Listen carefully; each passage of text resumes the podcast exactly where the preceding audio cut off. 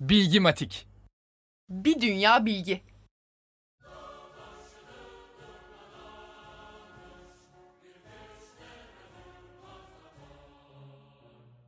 İsveç'te duyduğu Şakıyan Üç Kız Kardeş adlı parçanın bestesinden esinlenerek notaları ortaya çıkaran Selim Sırrı Tarcan ve besteye söz yazan Ali Ulvi Elöve, Dağ başını duman almış sözleriyle başlayan Gençlik Marşı'nın yaratıcıları olmuştur.